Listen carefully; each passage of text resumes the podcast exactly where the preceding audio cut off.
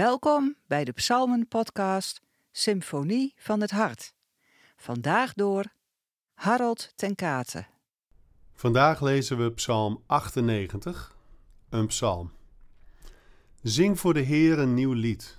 Wonderen heeft Hij verricht. Zijn rechterhand heeft overwonnen, zijn heilige arm heeft de redding gebracht. De Heer heeft zijn overwinning bekendgemaakt voor de ogen van de volken zijn gerechtigheid onthuld. Hij heeft gedacht aan zijn liefde en trouw voor het volk van Israël. De einden der aarde hebben het gezien, de overwinning van onze God. Juich de Heer toe, heel de aarde. Juich en jubel, zing het uit. Zing voor de Heer bij de lier. Laat bij de lier uw lied weer klinken. Blaas op de ramshoorn en de trompetten. Juich als de Heer uw koning verschijnt. Laat bruisen de zee met alles wat daar leeft. Laat juichen de wereld met haar bewoners. Laten de rivieren in de handen klappen en samen met de bergen jubelen voor de Heer, want Hij is in aantocht als rechter van de aarde. Rechtvaardig zal Hij de wereld berechten, de volken oordelen naar recht en wet.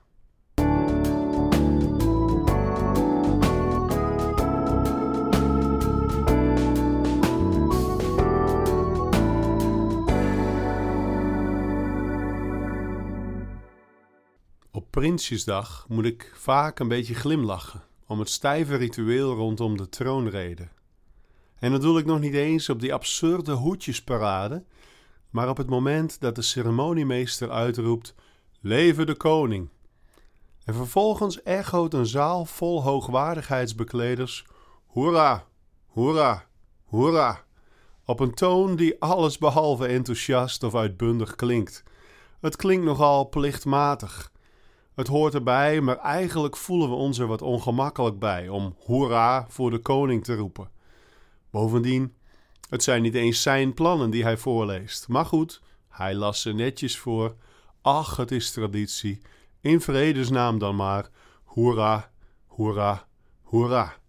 Natuurlijk, ik overdrijf. Maar vergelijk dat enthousiasme nou eens met een bomvol voetbalstadion waar zojuist het winnende doelpunt is gescoord en jouw team de beker heeft gewonnen. De spanning ontlaat zich als je die bal in het net ziet landen. Hij zit erin. Goal, kampioen. Op welke van deze twee lijkt de lofprijzing in onze samenkomsten het meest? Hoe enthousiast geven wij uiting aan onze vreugde aan die blijdschap die we hebben om onze redding. Begrijp me goed, ik pleit niet voor hooligan spreekkoren in de kerk.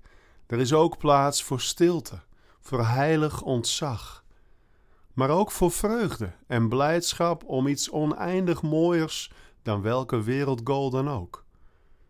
Psalm 98 geeft die vreugde de vrije teugel met woorden die erg lijken op Psalm 96. Ongeremd worden we opgeroepen.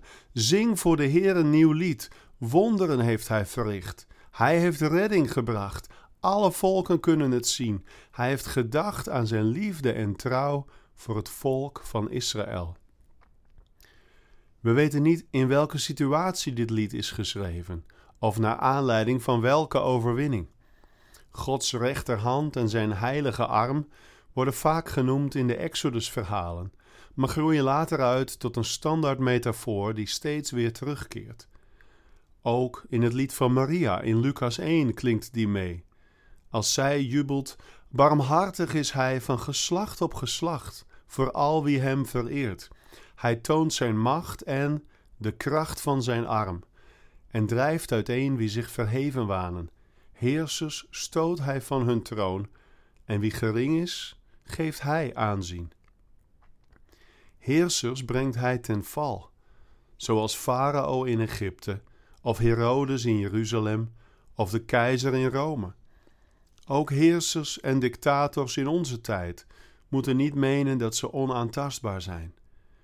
Hoe lang nog tot ook Poetin van zijn troon wordt gestoten? Gods heilige arm doet door de eeuwen heen wonderen, brengt iedere generatie opnieuw uitredding. En dus is er steeds een nieuwe reden om een nieuw lied te zingen. zelfs vooruitgrijpend op Gods toekomstige ingrijpen. Daartoe roept de psalmist niet alleen zijn medegelovigen op, nee, heel de aarde moet zingen en juichen. Met grootse en heerlijke muziek. De zee met alles wat daar leeft moet bruisen. De rivieren moeten een spetterend applaus geven. Alles en iedereen moet juichen voor de Heer, want Hij is in aantocht als rechter van de aarde. En Hij zal wereldwijd alles wat krom is, recht maken de volken oordelen naar recht en wet.